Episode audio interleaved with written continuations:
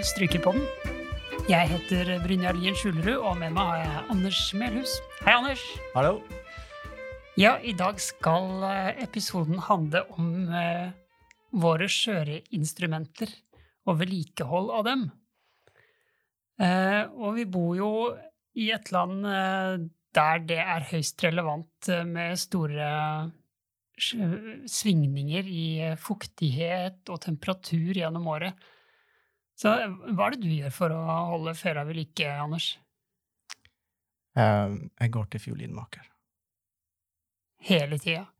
Nei, så ofte det går, og det er jo ikke så ofte man kan det i Tromsø. Så man må jo dra et sted, eller sende fiolin med noen. Eller få noen hit? Eller få noen hit. Det har jo hendt også. Det er veldig, veldig fint, for det er behov for det i løpet av et år. Ja. Så, så hvor ofte Hvor ofte har du den inne til, til felemaker? Altså, jeg har en sånn greie med at en gang i året må jeg prøve å få gjort det, men det er ikke, det er ikke alltid det går heller alltid. Så halvannet år har det hendt at det, at det tar òg. Ja. Og du har jo en gammel fele, Ja, så de, de trenger jo litt, litt kjærlighet, de her instrumentene. Eh, og så er det jo det med, med landet vi bor i her, hvor, hvor mye Ja, skiftene skjer fort. Det kan jo endre seg 20 grader i temperatur fra den ene til den andre dagen her i Tromsø. Eh, så hva er den største skrekken, da? Eh, nei, altså Det er jo litt kjedelig hvis det skjer et eller annet med instrumentet som gjør det vanskelig å spille på. Hvis, hvis det kommer en eh, Hvis det går opp i liminga, da. Hvis det er en sprekk, så er det jo ekstra ille, men meninga er vel at limet skal være sterkere på sprekkene som er, og svakere på, på lokk og bunn, sånn at det skal gi etter der først. Så forhåpentligvis så er det en åpen søm som som har skyld i at det kanskje ikke låter som det bør. Ja. Uh, men uh, min erfaring er i hvert fall at det er mindre vedlikehold med den fiolinen her nå, enn jeg var med den forrige, for den var ganske moody på, på det hvis, hvis, uh, hvis det var åpent bare bitte litt i, i lokk eller sånn, så, eller bunn, så, så merka man det med en gang på klangen at noe ikke var som det skulle være. Ja. ja, her i Tromsø er det ikke så lett å bare gå til felemakeren og få justert det heller. Eh, og det, sånn er det sikkert mange plasser i, i landet vårt, for det er jo det er et landstrakt land, og, og felemakerne holder jo gjerne til i de store byene. Vi hadde jo Roman Malamant her i byen en stund, men så valgte han å flytte til Oslo. Eh, så her i orkesteret har vi jo rett og slett gjort sånn at han kommer opp sånn en uke i året og gjør det som trengs å gjøres på instrumentene her. Men eh, noen ting må gjøres oftere enn en gang i året. Man må jo skifte hår på buen, blant annet. Mm. Bestille strenger må man gjøre.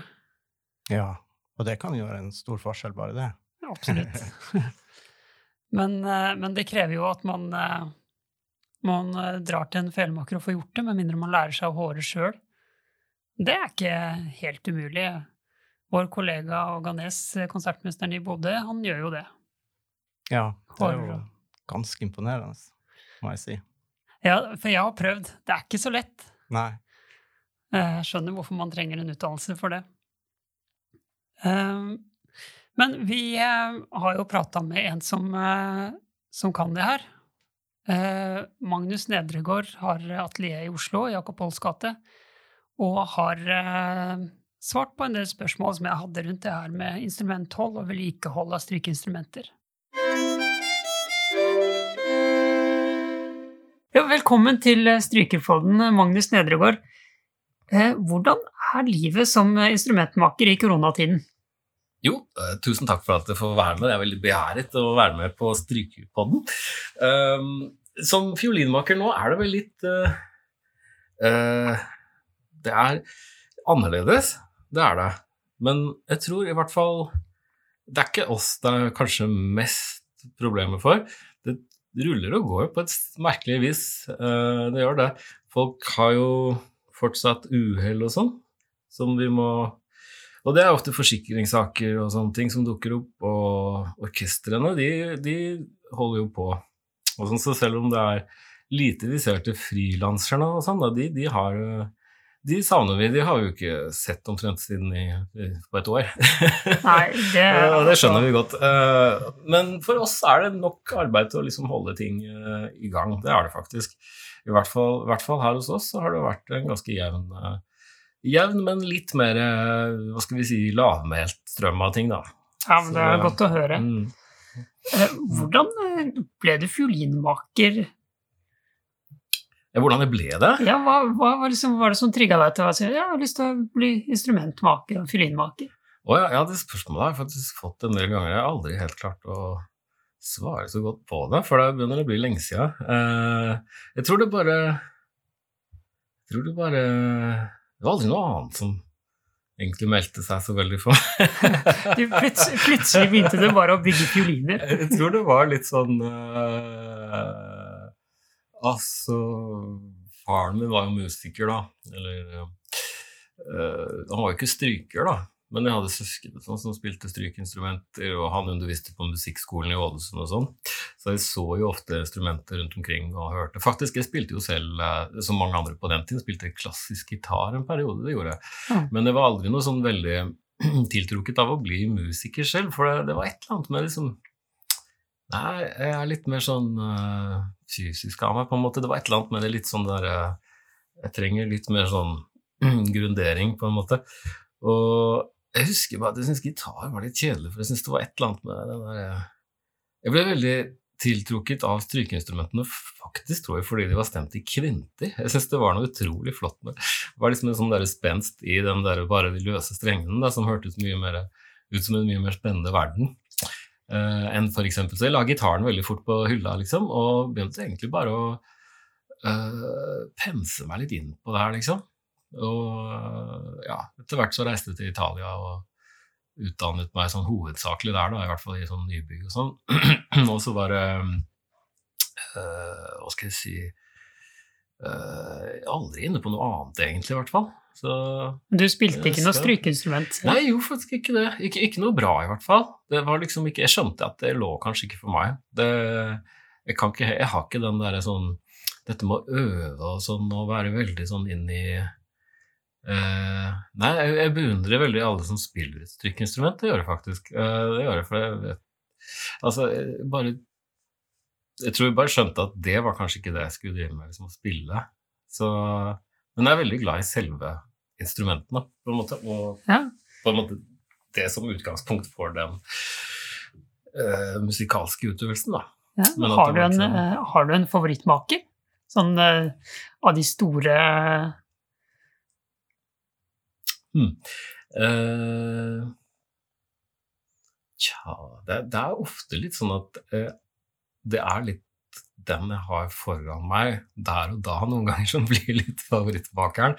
Ikke sant? For det, det, er jo vanskelig noen ganger å ikke Det er noen konkrete instrumenter da, som jeg fort kan falle litt i staver over, ikke sant? Og, og sånn. men det kan godt være litt sånn øh, vanskelig å peke på en som Alle må jo fram med de store kjente, ikke sant? for de er jo veldig sånn øh, det er gode grunner til at de er de store klassikerne som Stradivari og Guarnere del Jesu osv. Uh, men det er kanskje andre mer Hva skal jeg si uh, mer, Litt mer sånn obskure makere som, som gjør mer inntrykk på meg, for vi er ikke så vant til å se det. Ja. Stradivario er jo blitt nesten litt en klisjé sånn utseendemessig. da, fordi at vi er så veldig vant til å se det med en gang du begynner på en fiolinmakerskole, eller du blar opp i en fiolinbok, eller noe sånt, så får du blast deg mot deg Stradivari hele tiden. Mm. Så du blir nesten litt blind for hvor De er jo fantastiske, men du blir nesten litt blind for det, fordi at du ser det hele tiden. Uh, og derfor så kan, kan fort en litt mer sånn totalt uh, ukjent, litt snodige maker gjøre mer sånn emosjonelt inntrykk på på en måte. Uh, simpelthen fordi det slår meg som noe litt nytt, og eller nytt er det absolutt ikke, men noe mer uvanlig, da. Mm, ja. Så det I Norge er vi jo nå heldige å ha egentlig veldig mange Jeg tror kanskje vi er et av de landene i, i verden som har flest guadagninier i forhold til folketallet uh, nå. Ja, det tror jeg òg. Uh, og det er jo morsomt, for han har jeg alltid likt veldig godt. Jeg, synes, jeg har vært veldig glad i, i Guadagnini og Guadagnini-familien, egentlig, fordi de er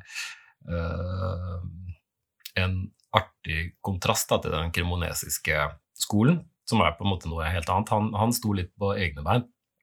Uh, og han reiste mye rundt og var en litt sånn fargerik fyr som tydelig lot seg prege av de miljøene hvor han arbeidet. da.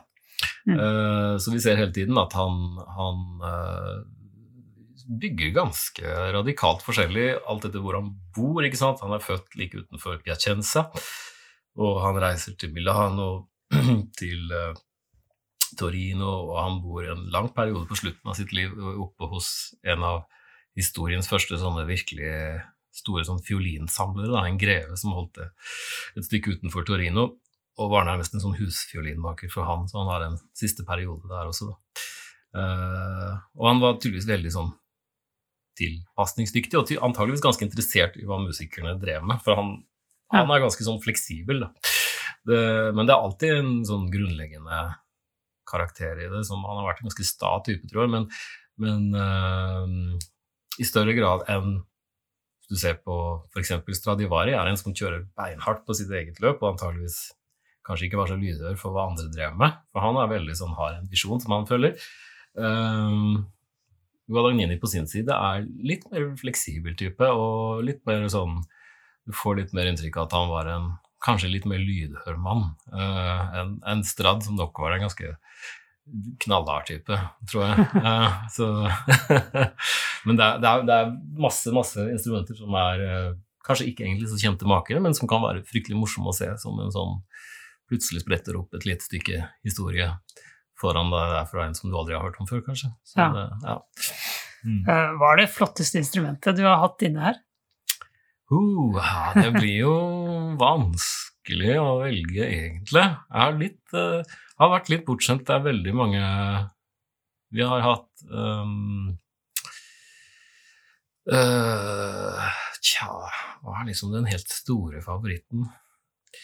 Uh, det Det som i hvert fall er ganske nylig var en litt sånn stor um, stor hendelse, er jo um, kanskje den mest sånn legendariske fiolinen vi har hatt her i det siste, er jo selvfølgelig da vår egen Arve Tellefsens uh, Guarneri, som har vært uh, innom her nå en, en, del i det siste av forskjellige årsaker. Men annet fordi vi skulle ta noen veldig gode bilder av den. Da. Vil gjerne ha det selv. Da. Uh, så vi styra mye med å få til noen riktig gode fotografier av den. Ja. Uh, og de sitter de faktisk og ser på ganske mye. De er, det er veldig, veldig Det som er morsomt med den fiolinen, er at den har en ganske lang sånn dokumenterbar historie. Den står nevnt i den Hill-brødrene sin bok om Guarneri-familien. På den tiden så het den jo da eh, Lord Amherst of Hackney, eller et eller annet sånt, for det var han som eide den på 1800-tallet. Så det var mye sånn nobilitet i England som samlet på disse instrumentene da, på 1800-tallet, så de er ofte oppkalt etter en eller annen sånn type lord eller noe sånt. I, fra den perioden. Uh, mens du ser i litteraturen nå, så står den jo omtalt som Tellefsen-fiolin. Og det er litt morsomt, så den blir nok hetende det i en lang stund framover. Ja, det er moro. Det er fjær i hatten. ja, det er faktisk det. Ja. Så, ja. Så, men det er klart det er eh, Så den, den er jo Altså, guverneringen er jo en uh, veldig sjelden egentlig maker. Det er veldig få av de egentlig i forhold til, i forhold til Strad, f.eks., som er kanskje litt mer Eh, på en måte litt mer uh, i større grad Antakeligvis var han mye mer produktiv, og også flere av de som overlevde. Hvor mange finnes det ca.? Nei, Hvor mange stradder som finnes? Det er vel under 1000 i hvert fall. En, eh, det er noen hundre, liksom. Jeg, ikke, jeg, har lest en del forskjellige tall, faktisk. For de, de, har jo gått faktisk litt opp og ned. På 1800-tallet var det fryktelig mange av de. Merkelig. Mens eh, jeg tror det vanlige nå er å regne med en sånn 800-900 ja. som fortsatt er i eksistens. da. Og Guarneri? Der tror jeg vi snakker om 50-60 eh, eller noe sånt. Ikke mer. Nå sier jeg det litt sånn skyter fra hofta, jeg husker ikke, jeg er veldig dårlig til å huske tall. Men jeg vet i hvert fall at det er under 100, og de er uh, sjeldne veldig altså Guarneri del Gesù, da, som er liksom den mest kjente i Guarneri-familien, og Carlo Bergonzi. Det er kanskje de to mest sånn uh, de, de, er det voldsomt få av da, som er bevart. De, mm. For det er en annen maker. Vi har jo en Carlo Bergonzi fra Dextra-samlingen som jeg alltid syns er veldig uh, hva skal jeg si uh, Som jeg også alltid blir litt sånn satt ut av. Den har jo en For det første er det veldig få Bergonzi som er, som er uh, i det hele tatt å se. Da. Det, er, det er virkelig vanskelig å finne den, liksom. Og den har også tilhørt Fritz Kreisler i sin tid, ja. uh, blant andre store navn. Nå er det jo Guro Kleven Hagen som spiller på den. Ja. Um, Og ja, men jeg syns egentlig det er vanskelig å peke ut noen sånne enkeltinstrumenter. Jeg, synes jeg er litt sånn, jeg blir alltid veldig hekta på det jeg har rett foran meg. Der og da, den dagen, liksom. Det, det er alltid det som er det gjøveste. Så ja. ja. Det, det, tror jeg egentlig kanskje er noe som Det er en fordel da, å ha det litt sånn, og ikke sitte og tenke på noe annet når du jobber med et konkret instrument. Ja, det er sikkert lurt. Ja. Mm. Eh, mm. Bygger du noen instrumenter selv? Ikke så mye seinere år. Jeg har eh, begynt jo, som de fleste andre i denne bransjen med nybygg, da. Men jeg ble veldig glad i å på en måte jobbe med hva skal jeg si, eksisterende instrumenter og mer i den eh, Hva skal jeg si uh, Ja, det å jobbe med ting som faktisk allerede finnes, er på en måte noe veldig annet enn å skulle lage noe helt nytt hele tiden. Og på fiolin er vi jo veldig heldige med at det er Jeg syns det er noe fascinerende da, med at vi har liksom en nesten en rekke helt tilbake til de aller første fiolinene som noensinne ble laget, er fortsatt i bruk. Mm. Uh, og det gjør det å jobbe med eksisterende instrumenter veldig fascinerende. Da. Selv om jeg har lyst til å ta opp byggingen bygging litt mer etter hvert. Det er mange som tenker, tror litt som meg, når de liksom har holdt på lenge med, med overveiende restaurering, reparasjon, vedlikehold og sånne ting, så får de liksom en sånn slags inspirasjon etter hvert til å drive mer med nybygg. Uh, men jeg syns faktisk det var et eller annet som bare ja, jeg, syns det var litt mer sånn emosjonelt engasjerende simpelthen da, å drive med, med, det, enn å hele tiden skulle liksom uh, pøse ut nye ting, da, når det er egentlig veldig mye fint som finnes allerede. Ja. Så, ja, så, Men grunnen til at de mm. finnes, det er jo at de blir vedlikeholdt. Ja, det, det, er en veldig stor del av grunnen til at de finnes, faktisk. Ja. Hva er det som er viktig for oss musikere å tenke på når vi skal vedlikeholde instrumentene våre? Tja, det, det, er jo sånn at uh, Det er egentlig et litt sånn paradoks, da, for instrumentene er jo på en måte veldig robuste. Uh, eller, alle vet jo at fioliner har en voldsom varighet. Da. De varer veldig lenge, ikke sant? som vi akkurat var inne på. Uh, så på en måte er det et robust instrument. På den annen side er det også veldig skjørt samtidig.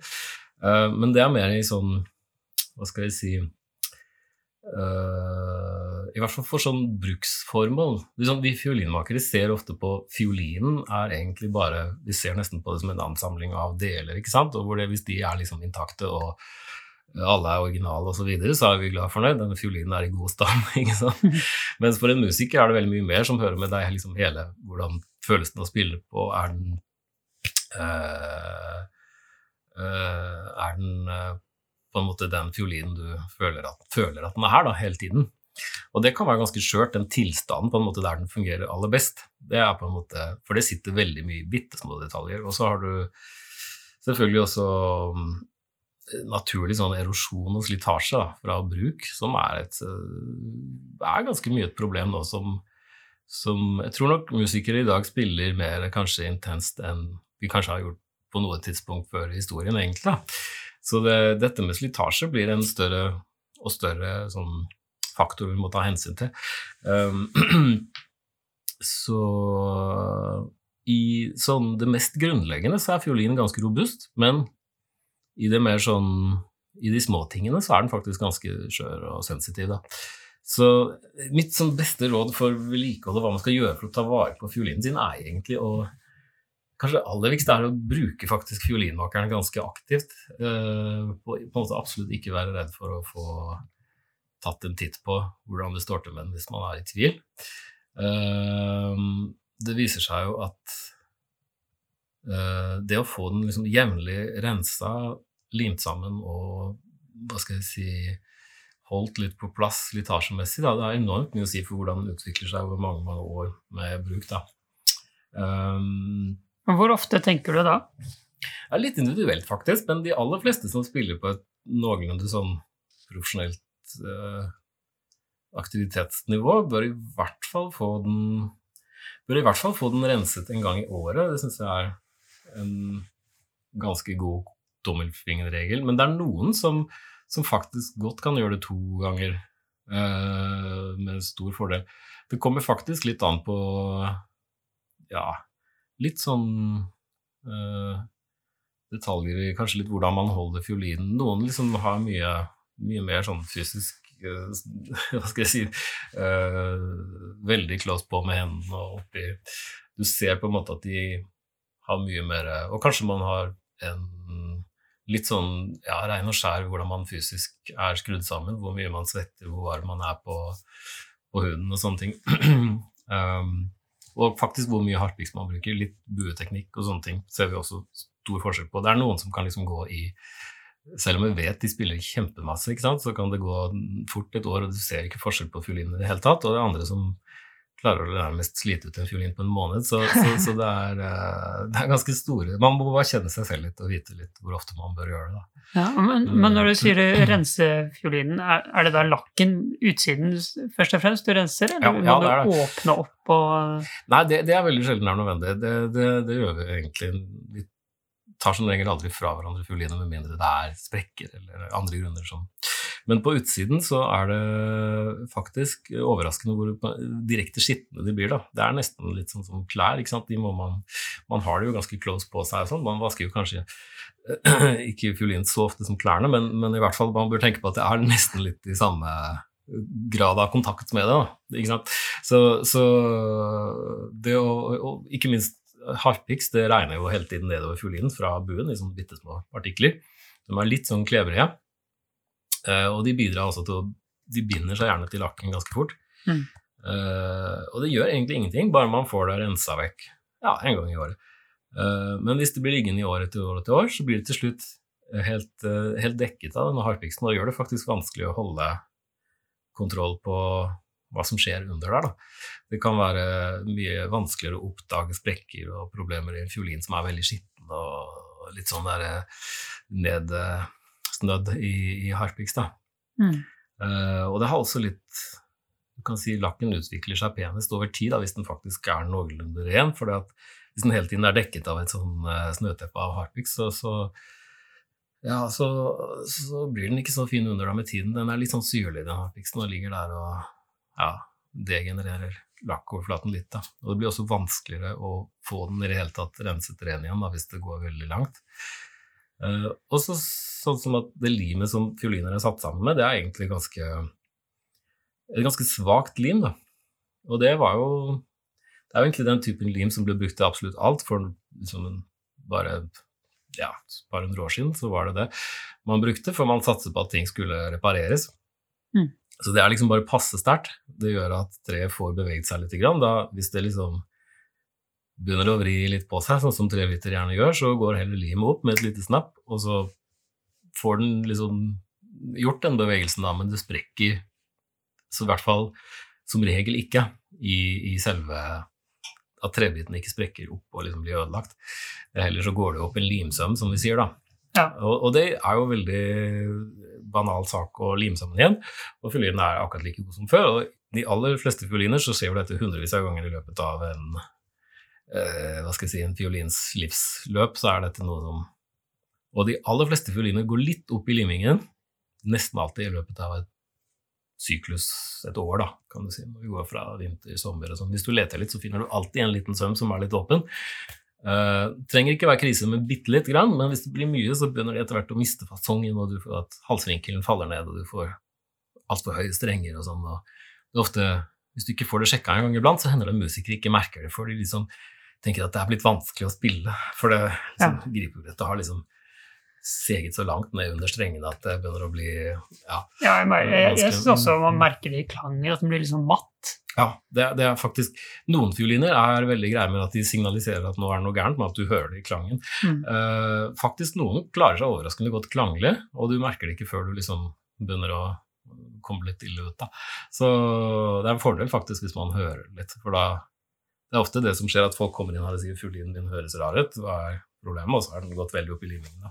Ja. Uh, og da blir det jo, da blir det jo ordna, og da unngår man større problemer, da, som kan komme hvis de står uh, åpne lenge da, under press. Hva, hva, ja, hva kan skje da?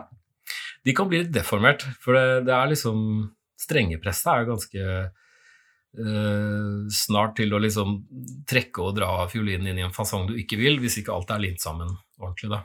Så den trenger å på en måte være henge sammen overalt, ellers så vil det ganske heftige draget i halsen da, fort prøve å liksom trekke den ut av der vi helst vil ha den.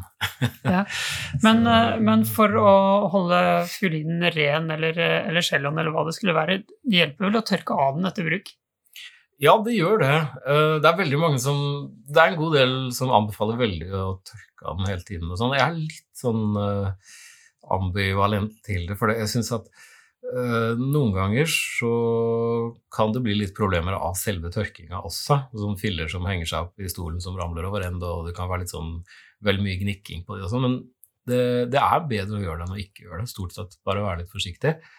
Og, men problemet er at harpiksen er litt klebrig, så du får aldri vekk alt uten å faktisk kjemisk rense fiolinen, sånn som vi gjør her. Det bør man ikke prøve å gjøre selv, men det er stort sett altså de, I hvert fall de som har et høyt forbruk av harpiks, da, de bør absolutt gjøre det. kan du si. Ja. Noen ser ut som de nesten ikke bruker harpiks, og da er det kanskje ikke så farlig. Men, men uh, en, en, litt sånn myk og ikke sånn fluffy mikrofiberklut, for de har det til å hekte seg opp i deler på fella, ja. som kan være litt problemet. da. De kan det er noen sånne mikrofiberkluter som har litt sånn, der, litt sånn frottéaktig overflate. Det er ikke så lurt. Men sånn flate mikrofiberkluter, det, det funker ganske godt. Mm. Uh, og eh, det, det, er helt klart Jeg tror man ser litt selv om man er en av de som bør absolutt tørke av en gang iblant. Eller, eller om det kanskje ikke er så farlig. For det faktisk, om det legger seg litt sånn derre ja, Eh, det er faktisk ikke helt enkelt å bli, bli kvitt den harpiksen uten å gå litt Den, den limer seg litt sånn i lakkeoverflaten, da. Ja, men den som ligger løst, den kan man liksom forsiktig tørke vekk. da. Ja, men så en, og en årlig tur til Felemakeren er anbefalt. Eh, kanskje ta det etter tannlegen?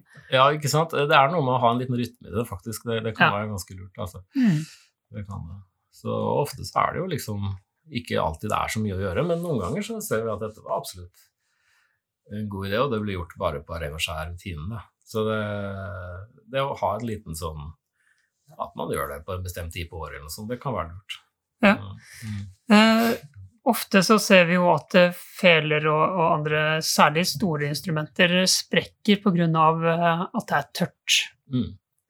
Hvordan må man forholde seg til, eh, til, fukt? Bør man alltid ha fukt i kassa, f.eks.? Eller kommer det an på noen andre parametere? Altså som, som, regel er det bedre å fukte enn å ikke fukte, selv om vi ser faktisk noen ganger så kan selve fukteren også gjøre litt skade på instrumentene. Uh, det er kanskje mest vanlig i cello, hvor det er fryktelig trangt inni kassa. Uh, så å få en av disse små fukteboksene til å sitte inni der uten å faktisk komme for nære, kan være litt vanskelig faktisk. Ja. Mm. Uh, og Derfor er det også en del som bruker disse grønne slangene som heter uh, dampit, dampit ja, ja. Uh, inni celloen. og det kan også være litt problemet, for da kan det komme litt sånn vannskader inni nederst i celloen, faktisk, hvis man ikke er veldig nøye med å tørke de ganske grundig av. Da. og da blir folk redde for at den kanskje er for tørr igjen og egentlig ikke gjør så mye. så det er litt vanskelig, der, men det er helt klart, så lenge det er mange minusgrader, så bør man faktisk fukte på en eller annen måte. Uh, men vi liker best hvis man kan ha det montert i kassa, uh, og på en sånn at den ikke kommer for nær instrumentet, for da kan du plutselig få fuktskader på, på instrumentet igjen. Da. Så det er litt sånn Men en um, tommelfingerregel kan være at du trenger å fukte så lenge det er minusgrader. Så lenge det er plussgrader, syns jeg man kan la være. For det, Eller så kan man fort få et instrument som er tilvennet og ha det veldig fuktig, nærmest sånn tropisk klima hele tiden. Og da blir kontrasten til vinteren veldig stor. Mm. Så eh, personlig syns det er lite poeng å fukte stort sett i, i eh, den delen av året hvor det er plussgrader. Men jo flere minusgrader det er, jo mer må man tenke på det, egentlig. Det er mange som har et sånt lite hygrometer inni kassa. De har vist seg å være nokså upresise, så man skal ikke helt stole på det. Jeg sier Man kan like gjerne se på gradestokken, egentlig, og se at hvis det er liksom Nå er det godt under null, da, da bør jeg egentlig bare gjøre det. Ja. Så, mm, for det er helt klart du Definitivt er det mange stygge tørkesprekker da, som er avverget pga. Av luftfuktere. Og det er en naturlig Særlig lokket på instrumentene, som er av gran, det trekker seg ganske vesentlig sammen i bredde når det blir Når det liksom har gitt fra seg all fuktigheten. Mm. Så det å ha den stående i kassa med fukter før man f.eks. skal bruke den noen timer, kan være veldig lurt, for det er nesten som å lade opp batteriet i telefonen din, at den liksom tar opp ganske mye fuktighet mens den ligger i kassa, særlig hvis kassa er lukket igjen. Det må den egentlig være for at det skal funke ordentlig, for ellers bare går du ut i rommet, og der har den lille fukteboksen veldig lite å si. Ja. Uh, så om den ligger en stund der og liksom treet får tatt opp godt med fuktighet, så har den en reserve som den bruker noen timer på å gi fra seg igjen. Så da er man også ganske safe når man tar den ut i konsertlokaler og på øvelser og sånt. Ja, og så lurer jeg på hvor mye effekt har en sånn uh, silkepose i forhold til å bevare fuktigheten i instrumentet? Jeg tror ikke det har veldig mye å si for fuktighet, men det er faktisk ganske lurt å ha fordi at mange har jo andre ting i instrumentkassen enn fiolinen. Uh, og de kan faktisk gnage og gnure litt på instrumentet inne i kassen mens man går. og sånn, og ikke minst så Man må jo nesten ha buene sine oppi der. De ligger ofte i lokket, som noen ganger kan være litt avhengig av fasongen på fiolin og typen kasse, som kommer litt for nære. Så hvis du da går f.eks. med instrumentet Dette er jo et stort problem på cello, hvor det ikke er helt samme uh, så, så kan de fort gnage litt på, på fela, da, eller eh, bratsj. Vi må ikke glemme bratsj. Eh, eh, og da er det at det er noe imellom, faktisk veldig, veldig bra. Så det å ha en sånn pose eller en sånn teppe over, Mm. det er en veldig god idé. Jeg vil si at å ikke ha det er litt risky. Eh, og så må man for all del ikke legge ting under. Hvis man har en fiolinkasse og putter noter og sånn oppi der som fiolinen skal ligge, og så legger fela oppå, så blir den liggende altfor høyt opp. Så da ligger den i hvert fall og gnager i, i, oppi lokket og buefesten og sånn da, som sitter i lokket.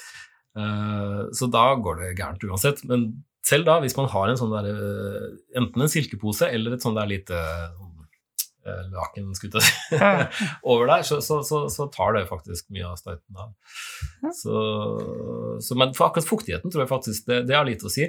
Det som har mye å si da, er at kassa er noenlunde lufttett, faktisk. Altså lufttett er det jo ikke, men at det ikke er sånn kasse med gjennomtrekk og masse sprekker og uh, Gjerne de litt sånn gamle sånn 70-tallskassene sånn, som- som står der borte, som er litt sånn mye tøy og tekstil og fòring inni og sånn. De spiser faktisk opp veldig mye av fuktigheten fra en sånn luftfukter. Ja, de trekker til seg De Til seg ut Ja, ja. fuktigheten. Så disse moderne kassene som er litt sånn eh, spartanske inni med lite eh, Hva skal jeg si eh, De er faktisk bedre til akkurat det der å holde på at fiolinen får all fuktigheten. da. Den blir ikke stjålet av fløyel og interiør inni, inni kassa. Ja. Mm. Um, du du snakka om harpiksen på, på instrumentet, men på buen så kommer det også mye harpiks. Mm. Er det noe man bør tørke av? Bør den også renses jevnlig? Um, ja, altså det kan jo være litt uh, Altså å rense den er jo litt, uh, litt risky, for du vil jo helst ikke ha noen ting på hårene som uh, lager tørke av den. Det kan man jo alltid gjøre. Eneste for å faktisk få den renset Når man får den hårete, da, så bør man jo få den Vi gjør det rutinemessig alltid rense stokken da, når vi bytter hårene. Mm. Fordi um, det er en gyllen anledning til å få vaska den ordentlig uten at det er hår på buen. For de er jo litt i, i, i veien. Så de, de gjør i og for seg ikke veldig mye at det ligger harpiks på stokken, uh, sånn mellom hver håring, da. Uh, men altså, det skader ikke å ta en tørr fylle og tørke den av, altså. Det gjør det jo jobben lettere for de som skal rense den når den håres. Eh, og du beholder jo også hva skal vi si, Det kan noen ganger bli så mye hardpikt på at jeg tror det har noe å si faktisk, for vekt og sånn på bunnen. det blir noen gram tyngre. Ja, det er noen som går ganske langt i å ja. Mm. Men eh, når vi er inne på håring og bue Mm. eh, Hårene taper seg jo litt og litt, og, hvis mange Jeg tror mange er som meg, at man, ja, man kan leve med det en stund til, Mm. og så går man og spiller til det nesten ikke har hår igjen på bunnen. Mm. Hvor ofte bør man egentlig skifte hår?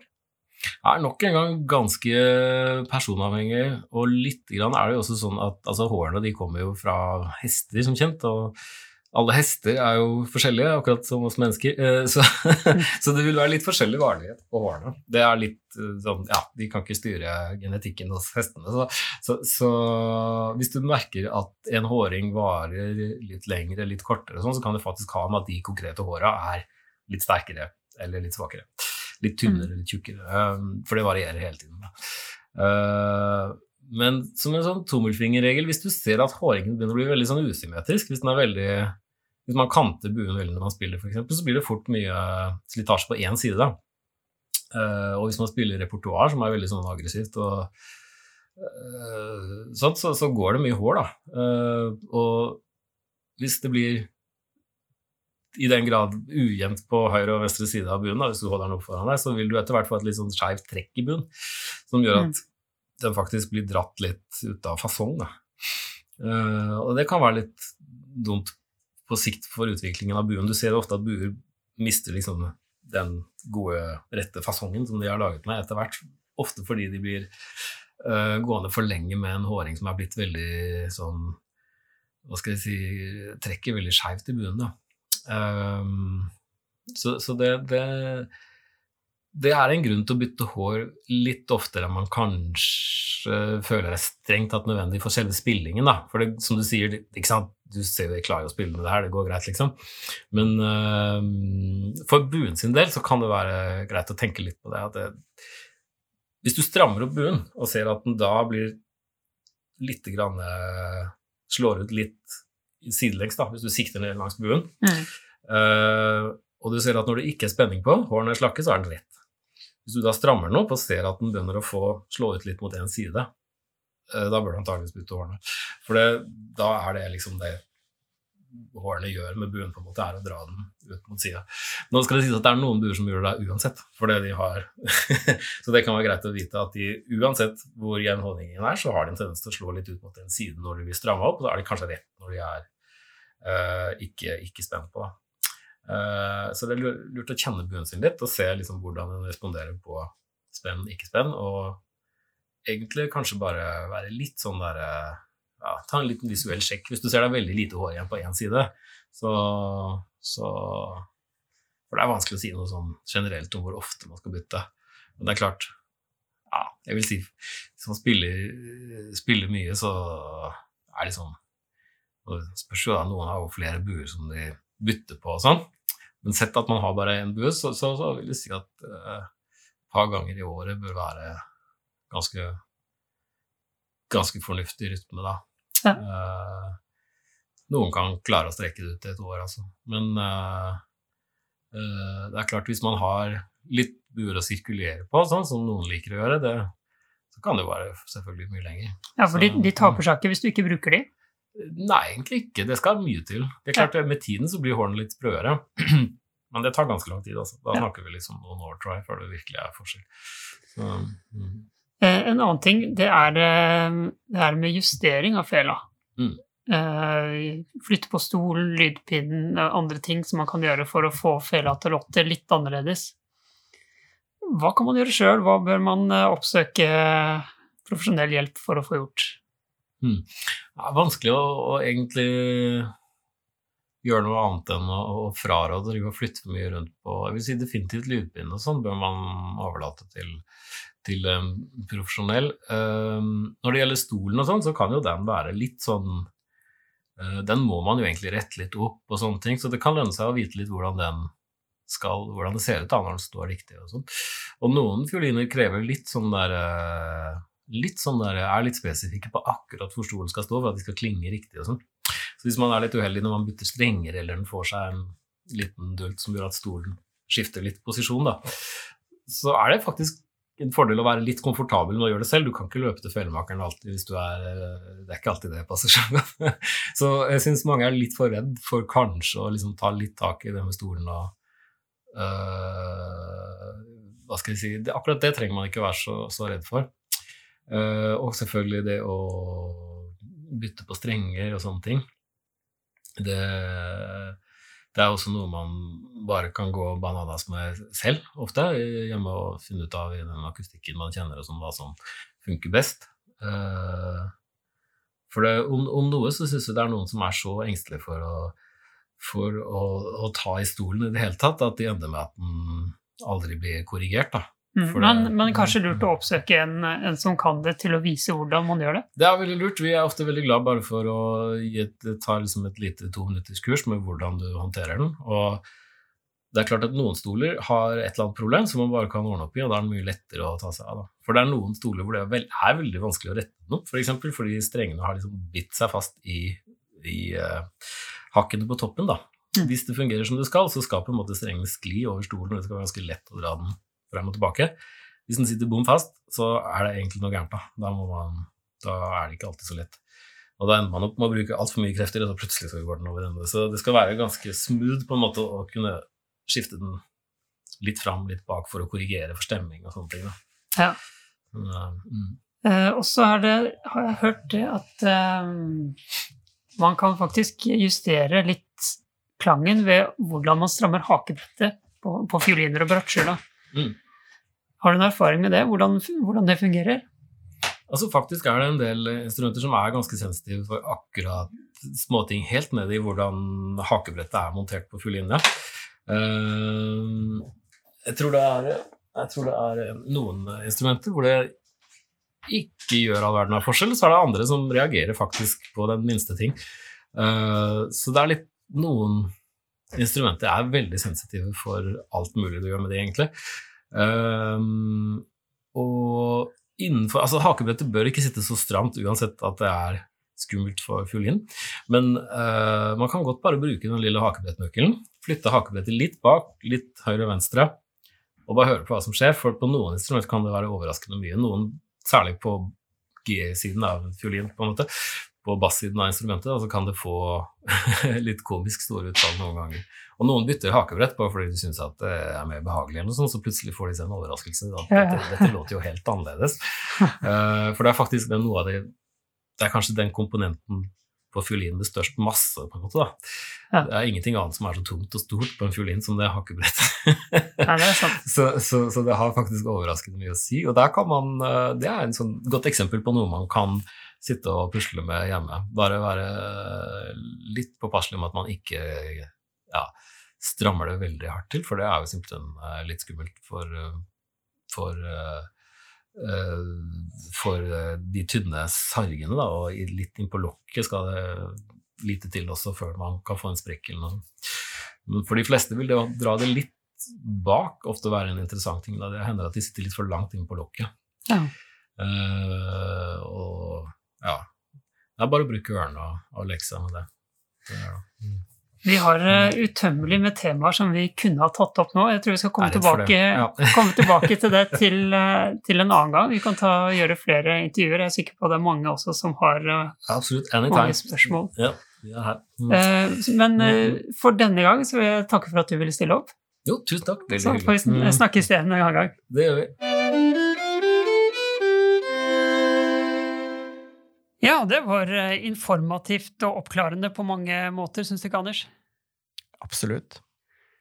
Uh, skulle vi bare tatt en liten uh, oppsummering for folk, så man får det virkelig inn med teskje? Det kan vi gjøre. Ja, hva, var de viktigste punktene? Nei, det var jo som jeg sa i innledninga, gå til fiolinmaker. Selvfølgelig kan du gjøre mye sjøl. Um, altså, er det minusgrader, som han sa, så, så er det fint å ha fuktig i kassa. Mm. Men kanskje ikke når det er sommer, eh, for da kan det bli for mye fukt. Så det å holde en viss balanse der kan være bra. Men uh, uansett så, så vil det før eller siden bli gå, gå, opp i liminga, uh, uansett, og da da er man nødt til å oppsøke en fiolinmaker for å, for å få limt det i hop igjen. Og det kan jo være ille på noen instrumenter når det sånt skjer, uh, mens noen instrumenter takler det ganske bra. Så det er litt forskjellig. Ja, altså det å ikke få panikk om, eh, om instrumentet går opp i liminga. Det er uh, tross alt bedre at det går opp i liminga enn at det sprekker. Ja. Så, så, det er noe som skal skje, så det er jo litt sånn greit å ha med seg. Jeg husker første gangene, eller den første gangen jeg oppdaga at instrumentet mitt hadde gått opp i liminga, så fikk jeg litt sjokk og trodde at å, nå blir jeg ruinert. Dette har jeg ikke råd til å fikse.